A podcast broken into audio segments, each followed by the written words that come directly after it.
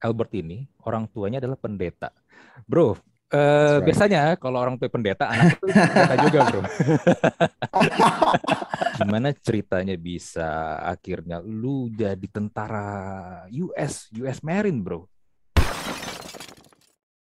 Welcome to Talk to Talk Podcast. Let's talk now bersama gue Andri dan untuk episode podcast kali ini gue kedatangan seseorang. Ini kalau lihat rekam jejaknya nih ya, dia pernah jadi tentara marinir di Amerika Serikat.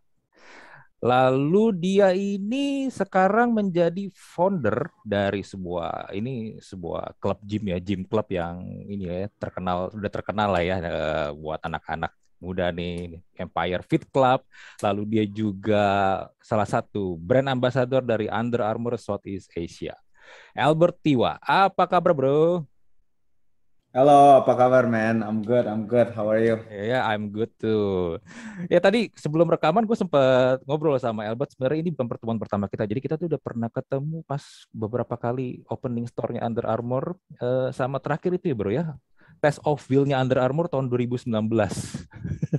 sebelum Betul. pandemi. itu itu Yang terakhir, terakhir sebelum pandemi habis itu udah gak, udah gak ada lagi, nggak tahu kapan ada lagi itu. Iya iya iya ya. betul betul betul. Iya. Dan for your information nih ya buat Anda yang mungkin baru kenal Albert ini orang nih stamina-nya kuat banget gila. Gue waktu itu ikut ya, eh, gue ikut coba-coba aja iseng lah ya, uh, yang umum lah ya, yang waktu itu yang kategori umum. Jadi ada dua kategori, kategori umum sama kategori yang ya, profesional atau advance gitu. Elite, elite ya. Iya, elite, elite. Elite and open. Iya, open. Nah, gue ikut yang open. Waktu itu ya gue nggak tahu sih hoki juga ada empat gerakan dari empat gerakan itu selama 60 menit gue dapet countnya itu 217. Nah dia seingat gue nih 100 lebih, tapi 100 lebih itu kan karena dia yang elit, itu kan challenge-nya lebih lebih inilah lebih lebih susah lah. Pokoknya ada yang mesti pakai ini ya uh, dumbbell segala macem gitu. Sedangkan kalau gue nggak perlu. Dan dia juara satu. Juara satu ya bro ya? Nice. I well I took one first place for the elite division di 2019 yes. Hmm, iya, gokil, gokil. Dan ini orang kuat banget. Nah, tapi nih, fakta yang menarik adalah, se tadi sempat gue juga bahas uh, di awal, Albert ini pernah jadi tentara marinir di Amerika Serikat. Lu kan orang Indonesia, bro ya? Betul, betul. Jadi uh, waktu pindah ke US, uh, ya masih WNI ya warga negara Indonesia. Tapi pas masuk marinir, uh, switch ke WNA warga negara asing oh. Amerika lah. Jadi lu sekarang hitungannya lu bukan citizen Indonesia tapi citizen US nih. US, betul betul. Jadi saya pakai ya you have to go through immigration to be mm -hmm. here mm -hmm. and proper itu. So my passport is a American passport. Mm -hmm. Passport Amerika. Oke. Okay. Nah, tapi fakta uniknya adalah Albert ini orang tuanya adalah pendeta. Bro, Uh, right. Biasanya kalau orang tua pendeta, anak itu pendeta juga, bro. betul, betul, betul, ya, betul. Kan? Emang sih. Nggak jauh-jauh biasanya. Iya, iya, iya. Nggak jauh-jauh. Nah, lu gimana ceritanya, bro? Seorang anak pendeta dan ini ya orang tua ayah ibu pendeta ya? Betul. Ya, ayah itu, ibu pendeta. Itu gimana ceritanya bisa akhirnya lu jadi tentara US, US Marine, bro? Yeah, so honestly, I think it's a bit a mix of wanting to do something great for myself, uh, mm-hmm. being a part, menjadi sesuatu organisasi yang yang menurut saya sangat uh, keren lah ya, uh, mm-hmm. mix with kayak wanting to have a purpose in life, mm-hmm. um, mm-hmm.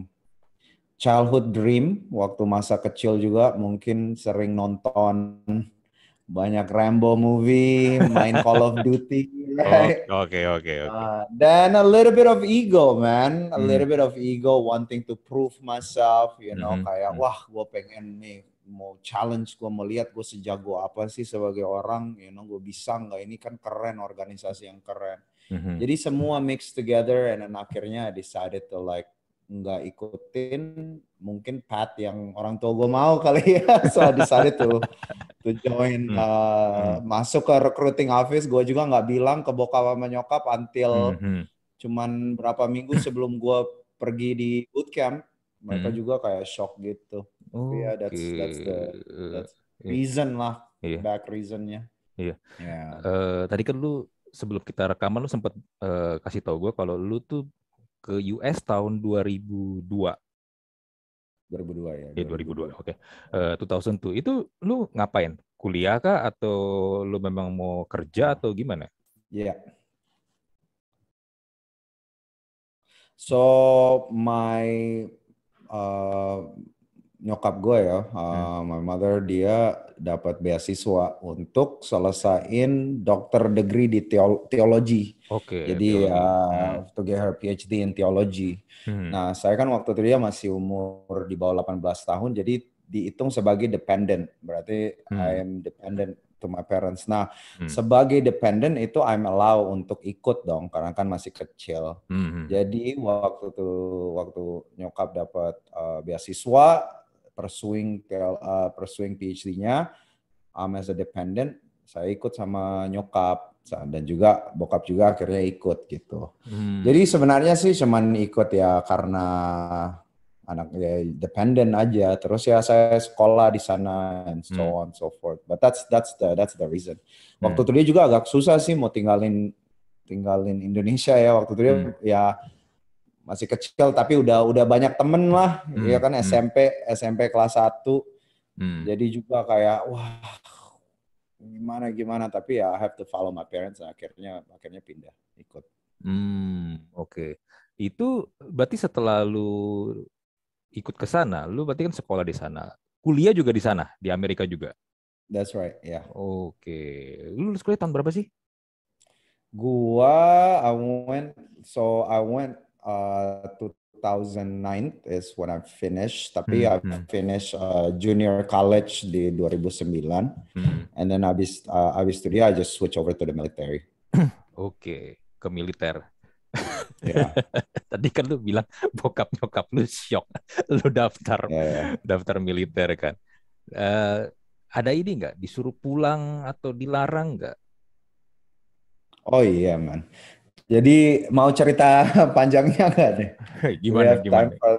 Ya. Aduh, yeah. jadi gua tuh uh, sebenarnya kan I went to school for accounting ya karena okay. um, I did some I did something good for accounting dulu di school project gua. Jadi kayak hmm. bokap menyokap, hmm. "Woi, kamu ini ada talenta untuk jadi accountant so on so forth lah."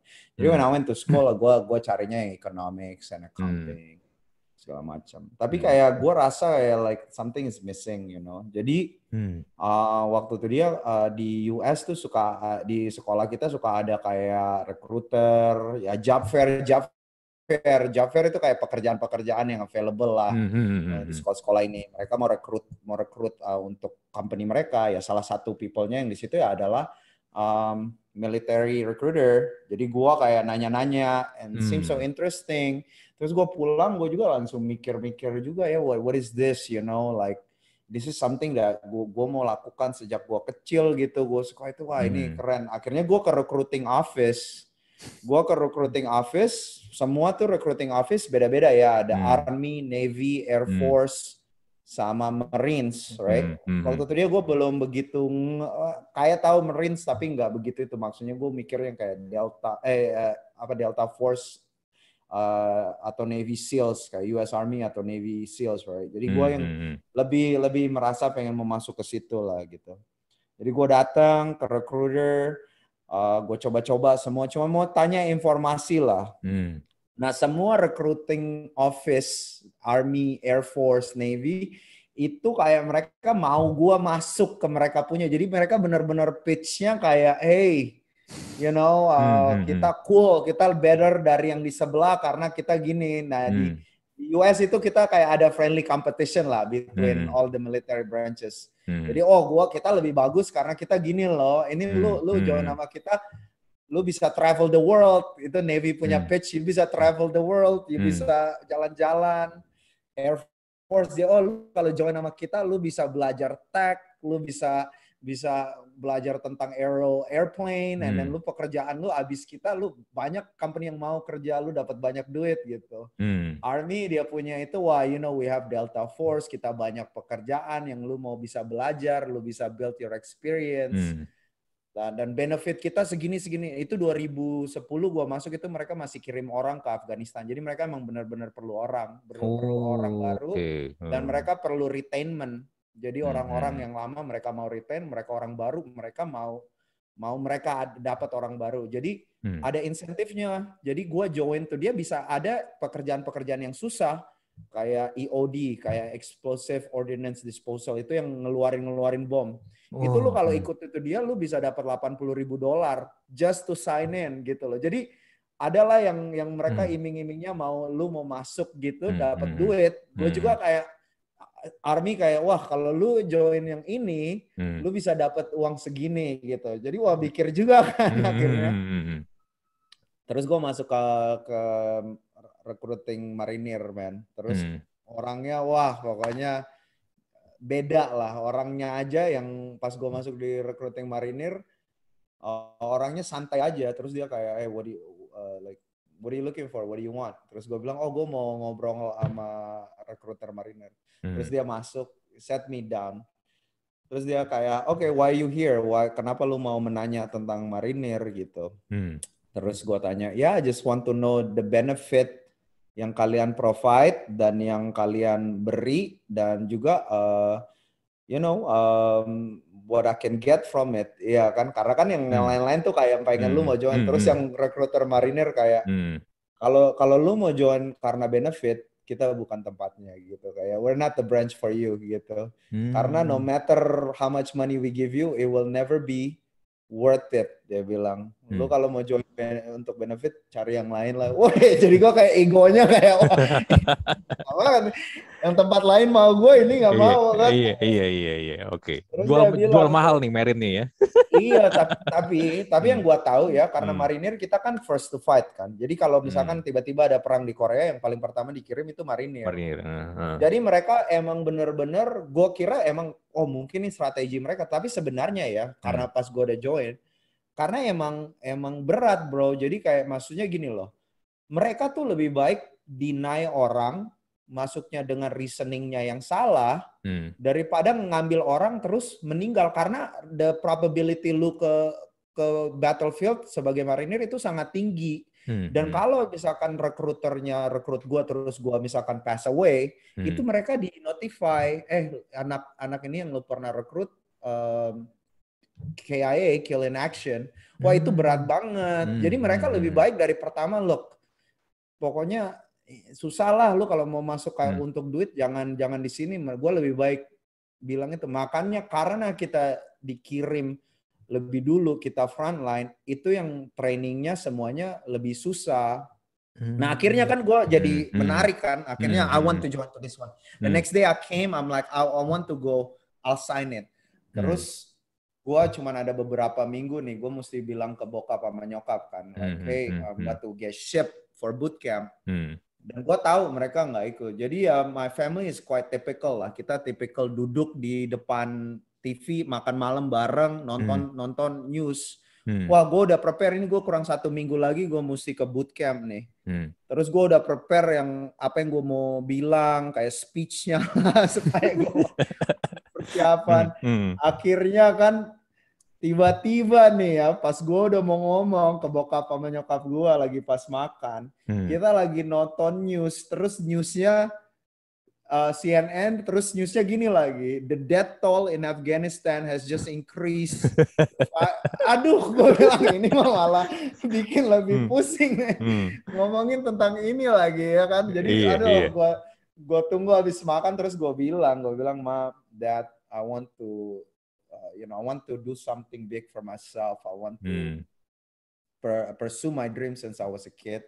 So and you guys know dari sejak gue kecil gue udah pengen mau jadi tentara kan. Jadi mm. I hmm. decided to join the United States Marines.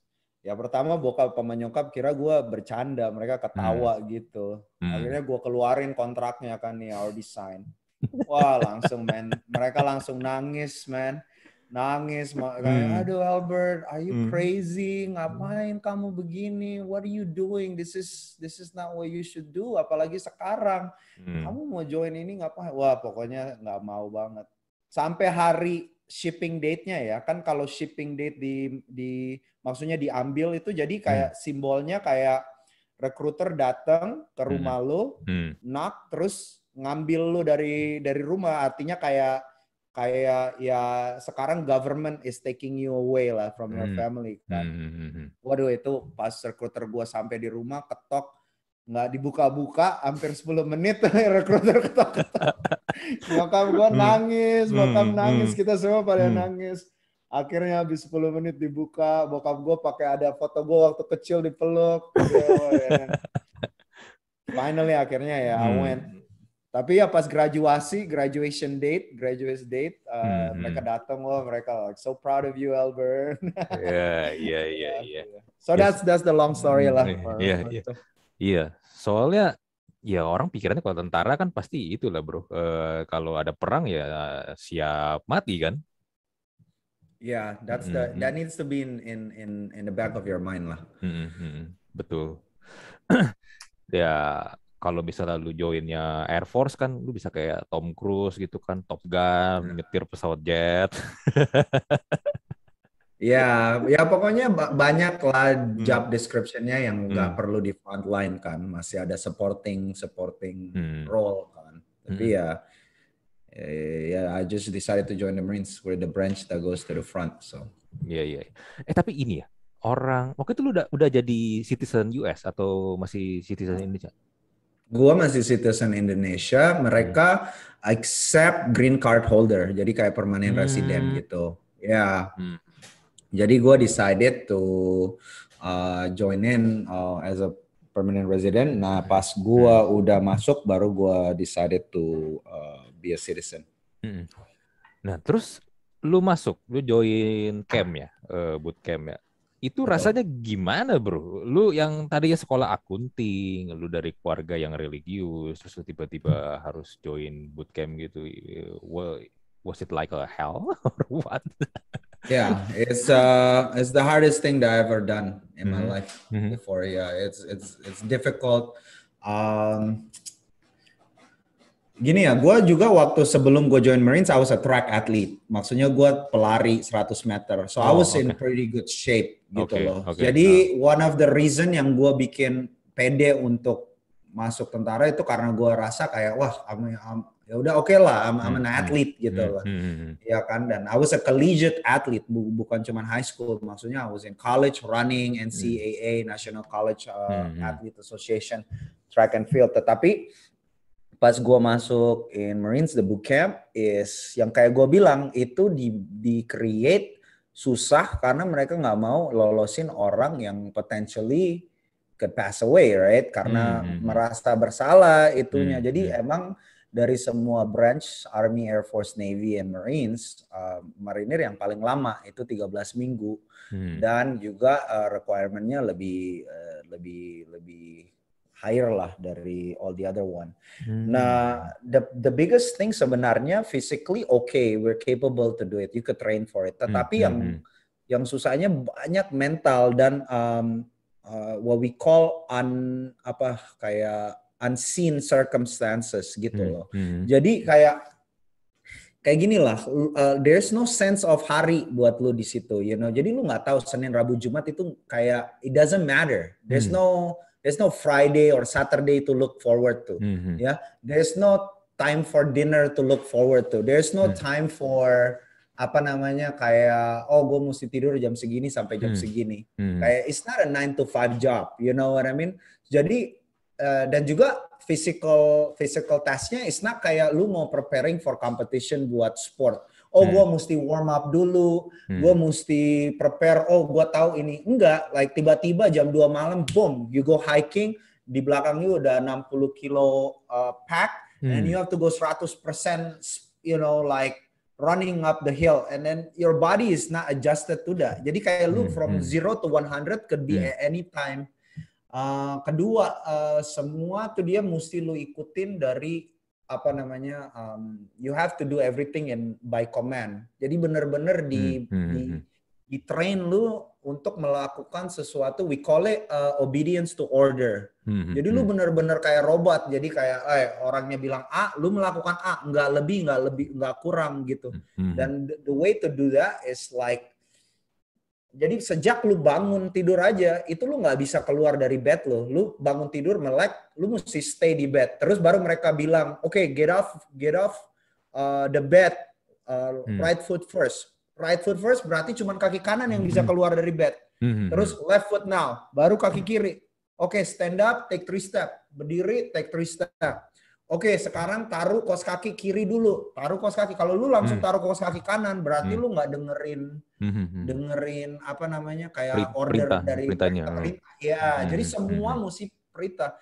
Oh, uh, sampai lu shaving satu kanan dulu, baru baru mereka bilang, oke, okay, now left. Tuh, lu lu imagine ya, hmm. cara lu bergerak selama dua belas eh berapa tuh? Um, almost uh, 16 hours. Hmm. Eh, 16 ya almost 18 hours kayak gitu, man. Hmm.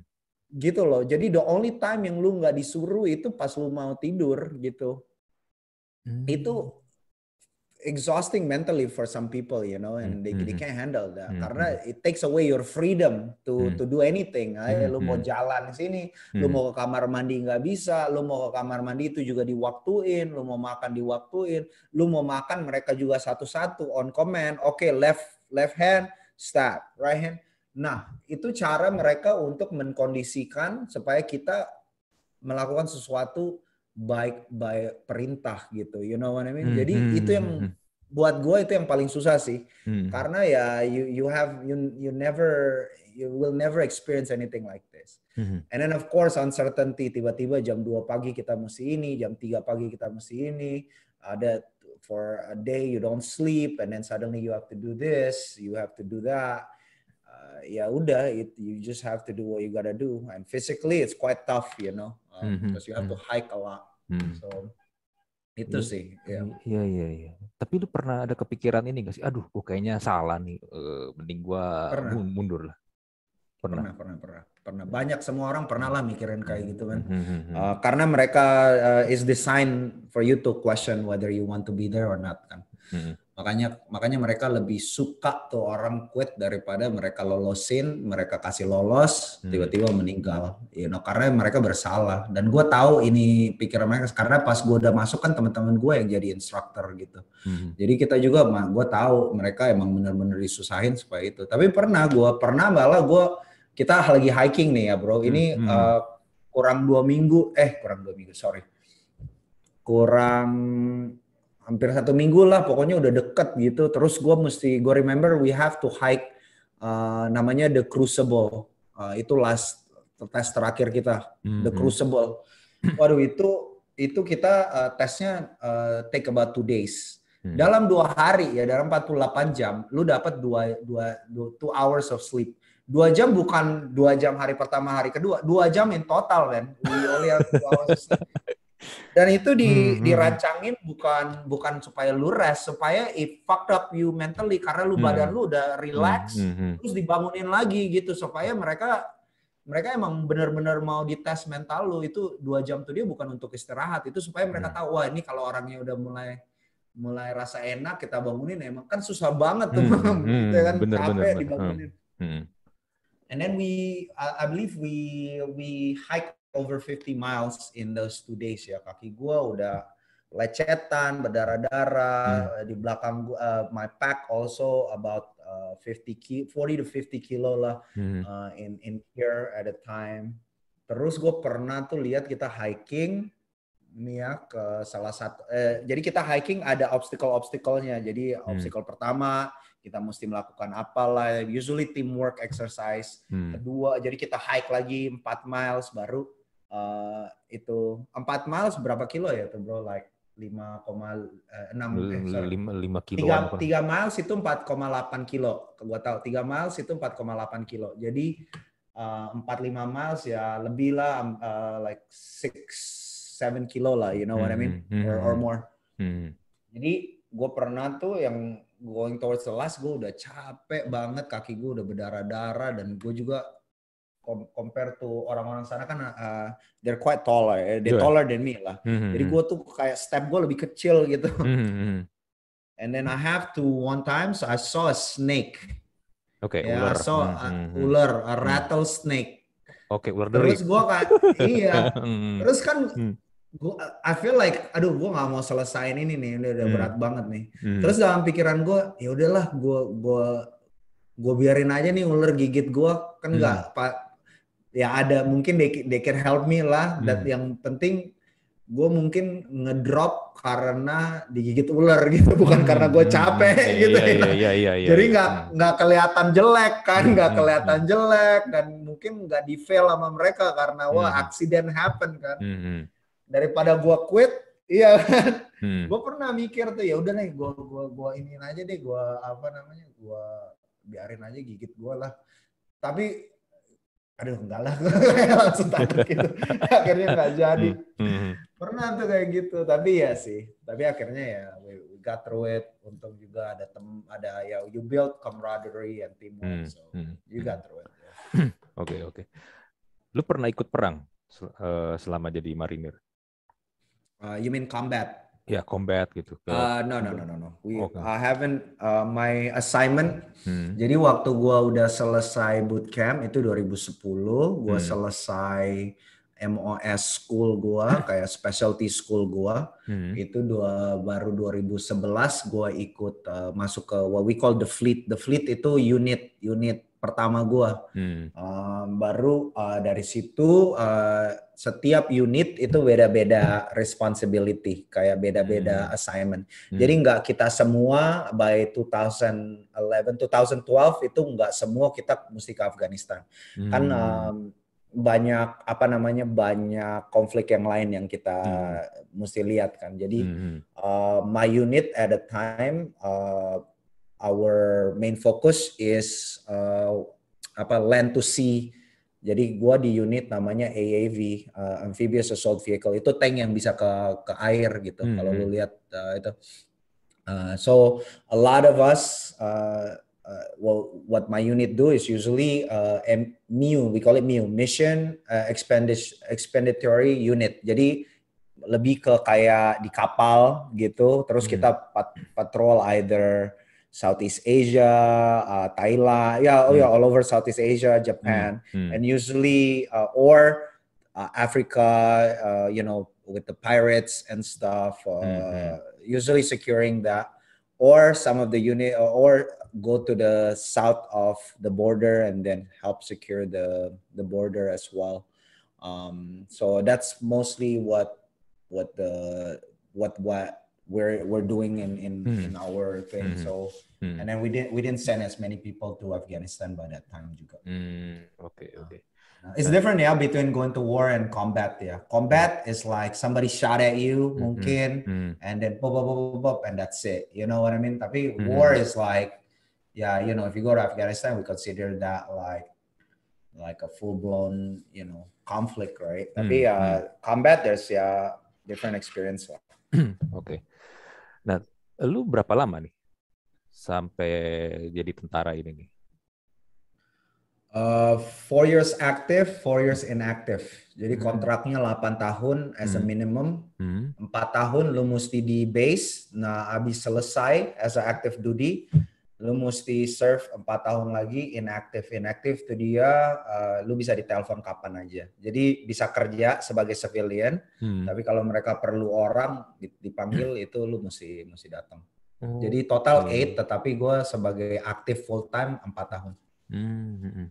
dan setelah kontrak lu habis lu memutuskan untuk pulang langsung ke Indonesia atau gimana tuh Yes, gue udah dari 2013 sih pengen mau ke Indonesia and open gym di di Indonesia. Hmm. So yeah, I I I was waiting. I was like, oh, I want to do this. Uh, hmm. So yeah, setelah kontrak gue habis, ya masih ada rasa kayak oh maybe I should keep going. Even now, you know, hmm. even hmm. now masih hmm. ada rasa mungkin gue seharusnya. Tapi ya, ya I decided to come to Indonesia after. Hmm. Kenapa bro? Lu kan bilang tadi lu mau jadi tentara nih, cita-cita lu udah tercapai, US Marine lagi. Gak main-main lu tentara Amerika lu itu. Terus kenapa lu pengen ke Indonesia ini uh, nyemplung di bisnis gym? Yeah, totally understand. I mean, a lot of people ask me juga, dan hmm. sometimes I ask myself. Tetapi, you know, as we age, our priority change, right? We hmm. kita kita lihat hmm. world in a different lenses in different ages that we that we grow up to, hmm. and at least you should you should because as you mature, you also you also see things differently, see world differently, and hmm. perhaps waktu gua nonton, eh, waktu gua join at the very beginning, I look at the military from a lens from, you know, as a kid wanting mm. to do mm. all of these things. Uh, tetapi honestly, I love the military and I'm glad I did it. Hmm. I, am glad I did it. And if I were about to do it all over again, I will do it. Then sometimes even in my head, kayak mm-hmm. maybe I should do reserve, you know, kayak part-time military gitu. Sometimes mm. I even think about that. Uh, tetapi sih, uh, there's fact a few factors kenapa gue decided to to get out. Okay, so one is uh, I feel like I've gotten all that I need to get in terms of uh, the experience and what I want to mm-hmm. do in the mm-hmm. military, mm-hmm. right?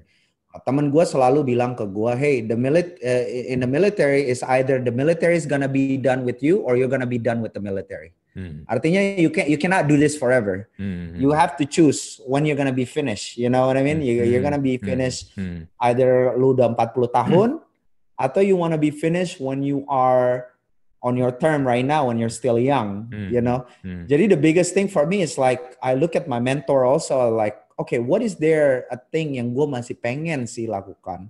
Mm. Tapi gue compare to like, waduh, gue sekarang masih muda. If I get out now, there's a lot mm. of other experience that I want to do, mm. iya kan? And waktu itu dia gue kayak mikir kayak, oh, I've gotten the things that I want. I experience, I've seen the things that I want to see Hmm. Ya, yeah, there's other small thing, of course banyak banyak pekerjaan di military. Tapi to me yang the other one is more exciting, which is which is uh, venturing my own uh, in terms of starting a business. Hmm. Okay, hmm. so that's one. Uh, two, uh, well, I I, I want to get out. Uh, going to number one, I want to get out on my own term. Hmm. Gue nggak mau selesai kalau badan gue udah hancur gitu loh. Hmm. Jadi kayak Marines is very physical tasking, man. Even mm. now, I have a surgery on my right mm. shoulder. Ada pernah dioperasi karena military. Uh, and then I have a fracture ankle on my left, and then I have scoliosis from my back. It's really, mm. really tasking, dude. And like my friends say, you either get out or you or the military is gonna get you out. So mm-hmm. it's, it's one of those, right? Um, so to me was there's other things that i want to do with my life and and and and as people i think that's what happened we will we will see things differently apalagi kalau lu umur 20 tahun versus you umur 30 tahun hmm. i'm sure what you feel about something hmm. might change right hmm. or Beda. or have a different view to it hmm. yeah hmm. so that's why I, am glad and I love the military and I'm uh, I'm glad that kita kita sistem kontrak gitu hmm. karena they also don't want to keep people yang doesn't want to be there right Hmm. So that's that's one. The the second thing, I also want to have a family eventually. Gue mau ada hmm. keluarga eventually. I want to have a wife. Uh, uh, I want to have a wife and I want to have a kid. Mm-hmm. No offense, but man, military life is hard for a family. I don't know how my my my my my peers and my friends do it. Tapi that's the reason why uh, in the military family the statistic 50% itu divorce.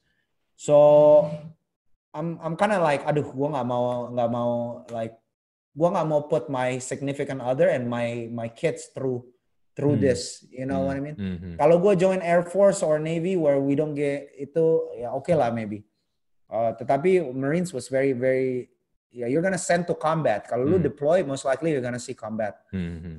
so and you know the kids and the family never knew if you're gonna come back or not right Yeah. Makanya before my friends go to Afghanistan or get deployed to somewhere dangerous, we party hard because we're like, I don't know if I'm gonna see you. Mm. That's in the back of our head, you know. Mm-hmm. So that's the second thing that I was thinking, you know.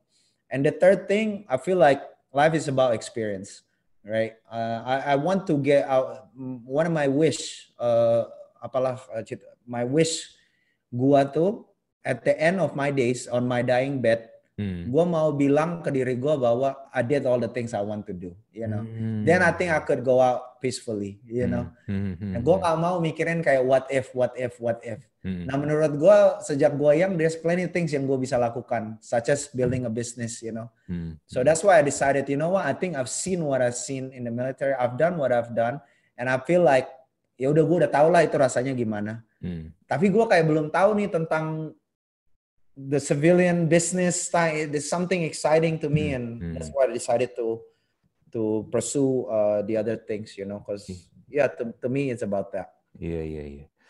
Uh, setahu gue lu juga atlet CrossFit ya bro ya sebelum lu pulang ke Indonesia ya? Yeah, yeah, some, hmm. something like that. I won't call it hmm. like a full time athlete, but I, I hmm. definitely very competitive. Yeah. Nah, lu kan balik ke Indonesia tuh sekitar tahun 2015 ya kalau nggak salah ya? 2000 uh, 2014 lah, 2000 uh, mid to end 2014. Oke yeah. oke. Okay, okay. Nah, lu punya ini kan impian bikin bisnis uh, gym, bikin bisnis uh, yeah. terjun di industri fitness di Indonesia ya tahun segitu kalau ngelihat apa yang lu udah kerjakan di Empire Fit Club, sebenarnya kan tahun-tahun segitu itu kan bisnis gym di Indonesia itu antara lu bikin mega gym ya lu ya. paling uh, eh, kardio kardio gitulah ya. Uh, betul, betul. Gue nggak pernah lihat tuh tahun segituan yang modelnya tuh kayak Empire Fit Club gitu kan. Nah, lu kenapa mau mak mau ini mau bikin sesuatu yang berbeda bro? Sedangkan ya you know lah di Indonesia pun juga sebenarnya ada mega ini mega gym menurut gua sebenarnya ya lu bisa nge-gym. Kalau lu serius lu bisa bentuk badan lu lu bisa uh, badan lu bagus lu bisa fit segala macam tapi tetap aja kan uh, kalau kita perhatikan gym itu rame di bulan Januari awal tahun. Iya kan, selalu. Nah, resolusinya kan selalu begitu kan, salah satu resolusi orang-orang kan. Nah, tapi kan lu lu memberikan pendekatan yang berbeda, Bro. Lu kan uh, military lu menyebutnya lu military best fitness training kan, based on ini kan uh, basic. Iya, iya, iya. Iya, iya, iya.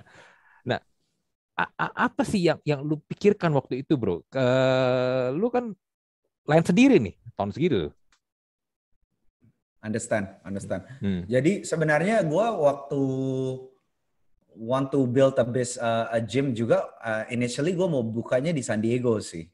Oh, gitu loh. Jadi hmm. jadi sebel uh, little backstory uh, salah satu responsibility gue di unit gue waktu gue jadi tentara hmm. itu I was a um, marksmanship coach or a shooting coach hmm, hmm, hmm. and also a combat fitness coach jadi gue kayak ngebantu orang-orang gue kalau misalkan mereka mau ke Afghanistan hmm. gue kasih program hmm. dan juga kalau pas mereka balik gue kasih program supaya gain their weight back you know hmm. hmm. jadi ya with that education ya you know teman-teman gue pada wah man kalau lu di civilian world you make so much money by knowing what you know you know karena mm -hmm. ini kan mm-hmm. sangat valuable information mm -hmm. jadi gue tadinya mau buka di di San Diego sih tapi gue akan take a trip to Indonesia in 2013 mm -hmm. and then itu tripnya juga cuman kayak mau liburan aja ketemu kakak ketemu saudara-saudara mm. terus when I look at gym terus gue mulai mikir wah you know there's there's one there's I feel like gue punya knowledge dan what I have to offer lebih useful di sini gitu loh. Mm-hmm. I could share more di sini daripada back in the US karena there's a lot of people like me lah. There's a lot of mm. people that have a similar background and stuff. Mm-hmm. Tapi I feel like I could experience, I could provide something different ya I don't know how many people will like honestly. Mm-hmm. Gue nggak tahu at, at the time whether the, the market is ready or not mm. atau ini sesuatu yang mau disukain. Tetapi just if they like it, then I'm here, you know, cause cause to me it's a matter of time aja, right? Uh, mm. The fitness education kan waktu itu dia to me the only thing that's lacking is educational. Mm-hmm. Kayak olahraga nih uh, atau fitness bukan cuman nge-gym aja atau lari gitu. Mm-hmm. So it's just a matter of time. Jadi ya at the time I know I was going to fight an uphill battle. Tetapi at the same time I was looking at it as well kalau if I could make it here I could make it anywhere, you know. Hmm. Like if I could make it di Indonesia, Jakarta where educationnya into fitness masih low, penetration mark penetration rate buat fitness hmm. belum sangat tinggi. Jadi to me it's like if I could make it here I could make it anywhere. Jadi kayak it's a bit of a challenge also mm-hmm, kayak mm-hmm. yeah, yeah that's my background also. I like challenges, right? So mm-hmm. that's why I decided to go to Indonesia. Right? I, ya udah, let's let's see. I got nothing to lose here, and I feel like I could do more good here than I could mm-hmm. do in, in, impact more people lah. So that's why I decided to to open uh, Empire here in Indonesia. Okay pertama kali buka gimana bro? Karena gini, lu kan udah lama nggak di Indonesia kan? Ya lu juga udah ini ya, berarti lu udah pindah ke warga negara dong di tahun Betul. itu ya. Nah, itu gimana lu memulainya bro? Karena biar gimana pun tempat gym kayak walaupun tempat yang model seperti lu itu pun tetap aja lu butuh space kan. Lu mengumpulkan orangnya, mempromosikannya juga itu gimana?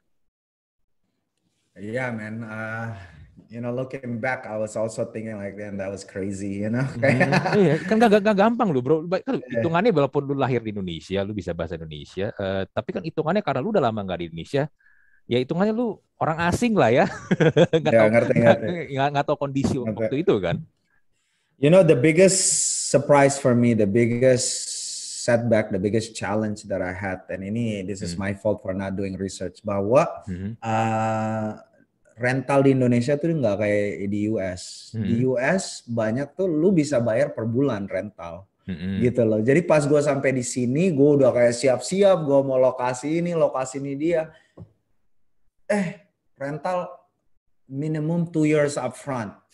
Ada, yeah. you know, like ada yang one year upfront itu udah generous banget. Terus gue, eh, people like it's crazy here. Like, mm-hmm. how do you gonna pay buat satu tahun upfront? Even in the US, kita nggak lakukan kayak gitu. You know what I mean? Kita mm-hmm. bayarnya per bulan, per bulan, per bulan. Mm-hmm. Jadi that was the biggest, like, in terms of business wise, that was the biggest uh, slap in the face for me. Karena mm-hmm. akhirnya gue kayak, wah, I have to adjust my strategy. Karena menurut gue, ya udah gue beli equipment, gue beli apa feed out the place, gue bayar uh, tempatnya, from the members tapi mm-hmm. that's not the case here right mm-hmm.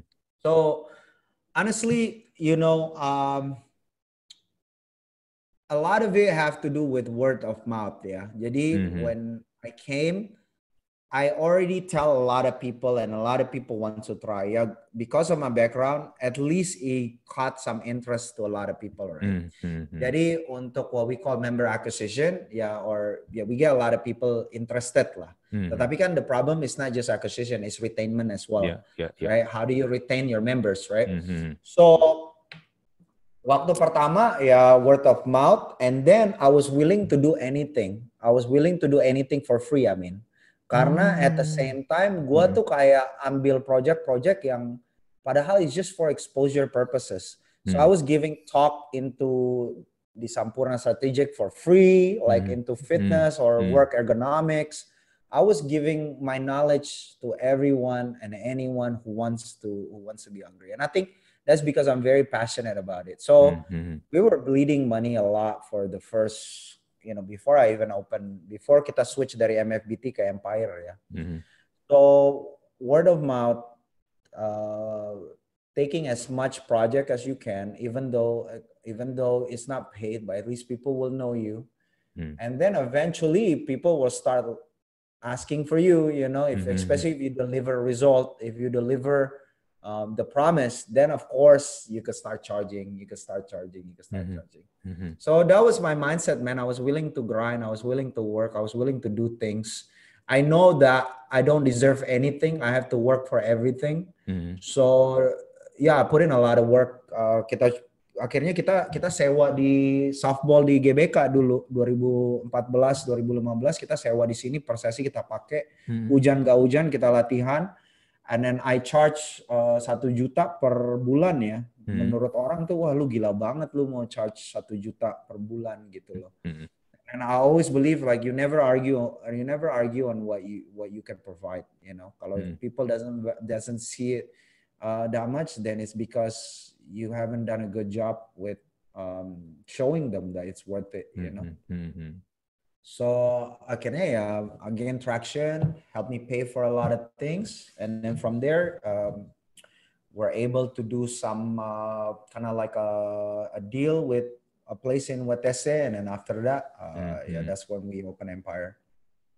But yeah, man, that's that's what we do. And then social media, obviously, karena hmm. banyak artis-artis mulai olahraga as a cool thing, it kind of help juga kan. Iya iya iya. iya. Hmm. Coba nih yang hmm. olahraga hmm. yang beda, jadi ya. Hmm. Gitu lah. Hmm. Hmm. Ya. Jadi bisa dibilang lu mendapatkan bantuan quote unquote endorsement dari public figure ya karena mereka memang mau coba ya, bukan karena lu bayar mereka ya. Yeah, dude, I never pay for itu uh, initially. I, I hmm. just I don't I don't know. Dan itu juga bel, ya dari pertama bukan mereka langsung datang ke gua, mereka juga lihat teman-teman mereka kan hmm. mulai workout di Empire. Hmm. Then they try, they give it a go. Tapi we never really like pay pay people to be itu, you know what I mean, to be a influencer for the gym or, or hmm. itu. Hmm. Ya. Iya iya iya iya iya. Iya sih uh, eh, gue sebenarnya gini, gue tahu lu karena lu ya one of the Under Armour atlet sih. Sebelum akhirnya gue tahu oh ternyata lu punya gym yang namanya Empire Fit Club. Nah, lu bisa akhirnya jadi Under Armour atlet juga itu gimana, bro? Uh, Empire Fit Club dulu kah atau lu jadi Under Armour atlet dulu sih? Uh, together sih. Uh, oh, okay. At the same time, iya iya iya. iya. Hmm. Um, jadi waktu itu dia, um, I'm always involved in the fitness event. Maksudnya uh, on my spare time, hmm. gue tuh ikut kompetisi-kompetisi Under Armour. Ya, hmm. Ya gue kenalan akhirnya with the owner, which is Robin, hmm. and uh, the Mas Group, karena mereka always see me in their competition and hmm. Happen to win hmm. a lot of them, you know. Jadi kayak yeah. udah tahu wah Albert is joining. Jadi yeah, mereka yeah. udah kayak hmm. expected lah. Hmm. So I think that was the way for me to establish myself and establish my gym with Under Armour. Karena I always mm-hmm. bring Empire name, right? Mm-hmm. So that was like, hey, you know, I have to earn my spot here. Nobody really know me, and mm-hmm. just because I have this background doesn't mean opportunity akan datang ke gua gitu. Gua mesti mm-hmm. benar-benar tunjukin bahwa lo mm-hmm.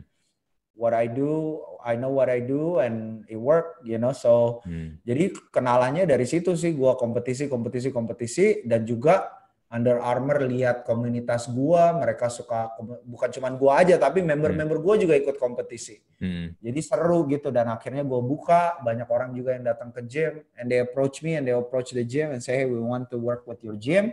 Dan gue juga mau work with you as an athlete. Hmm. So to this day I'm still a Under Armour athlete. Hmm, iya iya iya iya. Dan salah satu pengalaman unik yang gua gue sempat lihat juga sih di sosial media lu ya. Uh, lu pernah melatih Richard Branson. Yeah. It's a cool, it is cool man, Richard Branson. yeah, yeah, yeah, yeah. that was crazy. I was, uh, that was, that was good. Yeah, they reach out to us, man. They reach out to us, so we're like, hmm. wow, okay. Hmm. Trainernya reach out, and then you know dia lagi liburan waktu itu dia. Hmm Imagine that man, dia udah tua, sibuk. He's a CEO mm-hmm. of many companies or owner of many company, and he still make times to train. Mm-hmm. That's that's what I want to be when I was at his age, man. So it's an inspiration for me too. And akhirnya ya, you know, we did the training in his villa in Bali. Hmm, iya iya iya iya. Yang kemarin dia ke itu ya luar angkasa, dia yeah. suitnya pakai Under Armour kan? Yeah, yeah, he's yeah, also yeah, spot. Yeah, yeah, yeah, crazy. Iya, yeah, itu itu keren tuh. Tapi kan nggak tahu, Under Armour nggak jual buat umum kayak itu. gua nggak, iya, iya ya, karena I will like that. Yeah, yeah. It's like space suit, Under Armour space suit or flight yeah. suit. Iya, yeah. yeah. kalau dijual tuh gue mau tuh beli tuh keren tuh bajunya. ya walaupun nggak mungkin kita pakai ya, tapi at least punya gitu kan. Punya ya. ya, ya. Iya iya. Nah kalau ini ya biasanya sih kalau mau tahu Empire Fit Club nih ya eh, yang suka jogging di GBK tuh itu kelihatan banget tuh karena di pintu berapa di pintu berapa bro waktu itu uh, lupa. Kita uh, kita di zona 8 ya, between zona 8 zona 7 ah, iya, di situ. Iya iya, ya. itu tuh biasa kelihatan banget tuh. gue inget yeah. banget ya. Uh, lu pernah sempet share uh, lu naik Gojek tukang driver Gojek kan tahu Empire Fit Club ya? Yeah, man, that's that's a highlight for me, man. I mm-hmm. gotta mm-hmm. appreciate those little things. I never mm-hmm. thought that that many people would know about Empire, so man, I'm I'm very grateful and thankful for everything and for mm-hmm. people to know about Empire. Yeah, I feel so happy. Those little things makes me so happy, dude. Yeah. iya, iya, iya, iya. Ya tapi inilah ya, kalau yang gue lihat juga kan sebenarnya di Indonesia kesadaran masyarakat ya, kesadaran orang-orangnya terhadap olahraga kan juga makin tinggi ya. Uh, yang yeah. gue rasain juga tempat gym sekarang juga lebih rame, orang juga lebih makin excited buat berolahraga. Hmm. Ya, ya kalau gue sih sebenarnya nge-gym bukan hanya karena mau sehatnya doang, emang karena pengen badan bagus. ya, ya, ya, ya, ya, ya. Iya kan. nah tapi uh, menurut gue nih ya, uh, apa yang Vampire Fit Club lakukan itu itu sesuatu yang berbeda dan menurut gue itu keren banget sih. Jujur gue waktu itu pas lagi ikut itu ya tes of field 2019 gue kan biasanya kan weight training ya tapi ketika gue harus switch ke functional training seperti itu oh my god man mati loh understand understand ya. Iya karena kan ini kan gue gue yang biasanya weight training doang weight exercise doang ya gue mau ikut ikutan gue nggak berharap juara lah ya temen maksudnya juga jangan sampai memalukan lah ya yang baru sebentar baru sementaran belum selesai udah udah ini kan udah ngap udah tewas gitu ya jadi gua gue coba switch pelan-pelan wah tapi itu gila sih bener kalau nggak tapi yang gue rasain adalah emang si endurance jadi lebih kuat sih ya ya ya ya hmm. so I mean um, here's the thing right uh, dengan Empire gue selalu percaya bahwa hmm. Empire itu bukan in the fitness industry mm-hmm. uh, Empire itu on the changing of habit industry jadi kita hmm. punya fokus is not just to into fitness. Kita punya fokus first and foremost is how can we change your habit. Mm-hmm. Karena kalau habit lo nggak keganti, doesn't matter you train satu dua kali gitu. Maksudnya yeah. jadi mm-hmm. kita mesti figure out a way to to to to membuat empire supaya ini sesuatu yang orang lakukan yang bisa potentially change their habit karena mereka mm-hmm. mau melakukan ini terus gitu loh. Mm-hmm. So we try to make the workout fun. We try mm-hmm. to make the workout community based. Mm-hmm. Dan dan ya I know we have a competition and test of will, tetapi kita mau bikin bahwa kompetisinya itu dia kayak ringan in the sense that mm-hmm. ya we're winning together, we're not winning mm-hmm. against each other, we're not mm-hmm. competing mm-hmm. against each other. Karena mm-hmm. at the end of the day ya banyak orang kita bukan atlet, you know, you're not an athlete. Mm-hmm. Um, you know, uh, siapa namanya? All these guys are a nine to five worker, general hmm. population, mm-hmm. right? Hmm, Jadi hmm. kita try to create our program to to cater to those kind of demographic and to kind of mm-hmm. get people to just just get out of bed or do something that is gearing towards fitness uh, and be able to change their habit. So you know that's our take on our approach for empire gitu loh uh, not so much competition now however obviously somebody like me and the coaches hmm. you know we train a lot so we have advantage there tetapi bukan berarti uh, ini yang kita lakukan buat everyone gitu kita hmm. kita just wanna have fun by having fun mudah-mudahan lu balik lagi lu keep coming back lu akan mengganti habit lu dan hopefully dengan habit lu udah keganti udah konsisten hmm. makanya kita bilang consistency over intensity and hopefully um, you start going closer to your goal. Dan kalau udah habitnya udah masuk baru kita kasih yang oke okay, you need to train like this you need to train like this gitu. Hmm. Hmm, hmm, hmm. keren keren keren keren. Nah kalau mau ini bro jadi member Empire Fit Club gimana tuh? Datang langsung ke tempatnya atau gimana? Iya, kita ada Empire Fit app No, uh, jadi di aplikasi kita di Empire hmm. Fit App, hmm. lu bisa uh, book kelas. Lu mesti lu mesti book via the app dulu kelasnya. Jadi nggak bisa oh, langsung datang aja. Okay. Yeah, yeah. Karena banyak orang yang apa namanya ya mau tahu ada berapa orang kan di kelas. Kalau terlalu hmm. ramai juga ada hmm. some people doesn't like that. Hmm. Jadi go to the app, harganya juga ada di situ. Terus lu bisa pilih antara kelas bootcamp, hyper pump, atau kelas mobility atau kelas beginner kita ada hmm. di situ bisa hmm. beli satu package atau beli 10 package atau beli yang 20 30 so on so forth ya. Hmm. Hmm. Atau mungkin kalau mau lihat dulu bisa lah ya di tadi kan bisa kan bisa di, di itu yang di sektor apa 7 8. Iya, zona 8. Zona zona 8, zona 8 sama zona 7. Lihat dulu lah kayak gimana latihannya. Jangan tiba-tiba daftar terus kaget. Iya. Gak apa-apa juga sih kalau lo mau datang mau berani adu nyali. Iya. eh karena ini loh, uh, yang lu lakukan kan pendekatannya kayak yang lu bilang kan pendekatan ini yang sebenarnya yang lu pernah lu lakukan di militer kan, ya. Tapi of ya. course sudah di adjust lah ya untuk, of course. Uh, ya untuk orang-orang civilian friendly. Ya, civilian friendly. Oke oke oke oke bro, uh, eh, gue sih senang banget ngobrol sama lu. Uh, gue banyak banget dapet insight dari lu. Gue banyak banget juga dapet cerita inspirasi dari lu. Oh gila, ini sih seorang orang Indonesia. Lalu dia pernah jadi tentara marinir di US, terus pulang membangun bisnis fitness di Indonesia, sesuatu yang berbeda dengan pendekatan militer. What are you doing is uh, really really great brand. Thank you, I appreciate it, brother. Iya, dan gue senang banget ngobrol sama lu. Uh, nanti kapan-kapan kita ketemuan lah, bro ya. Please, please, I want you to come to the hmm. gym.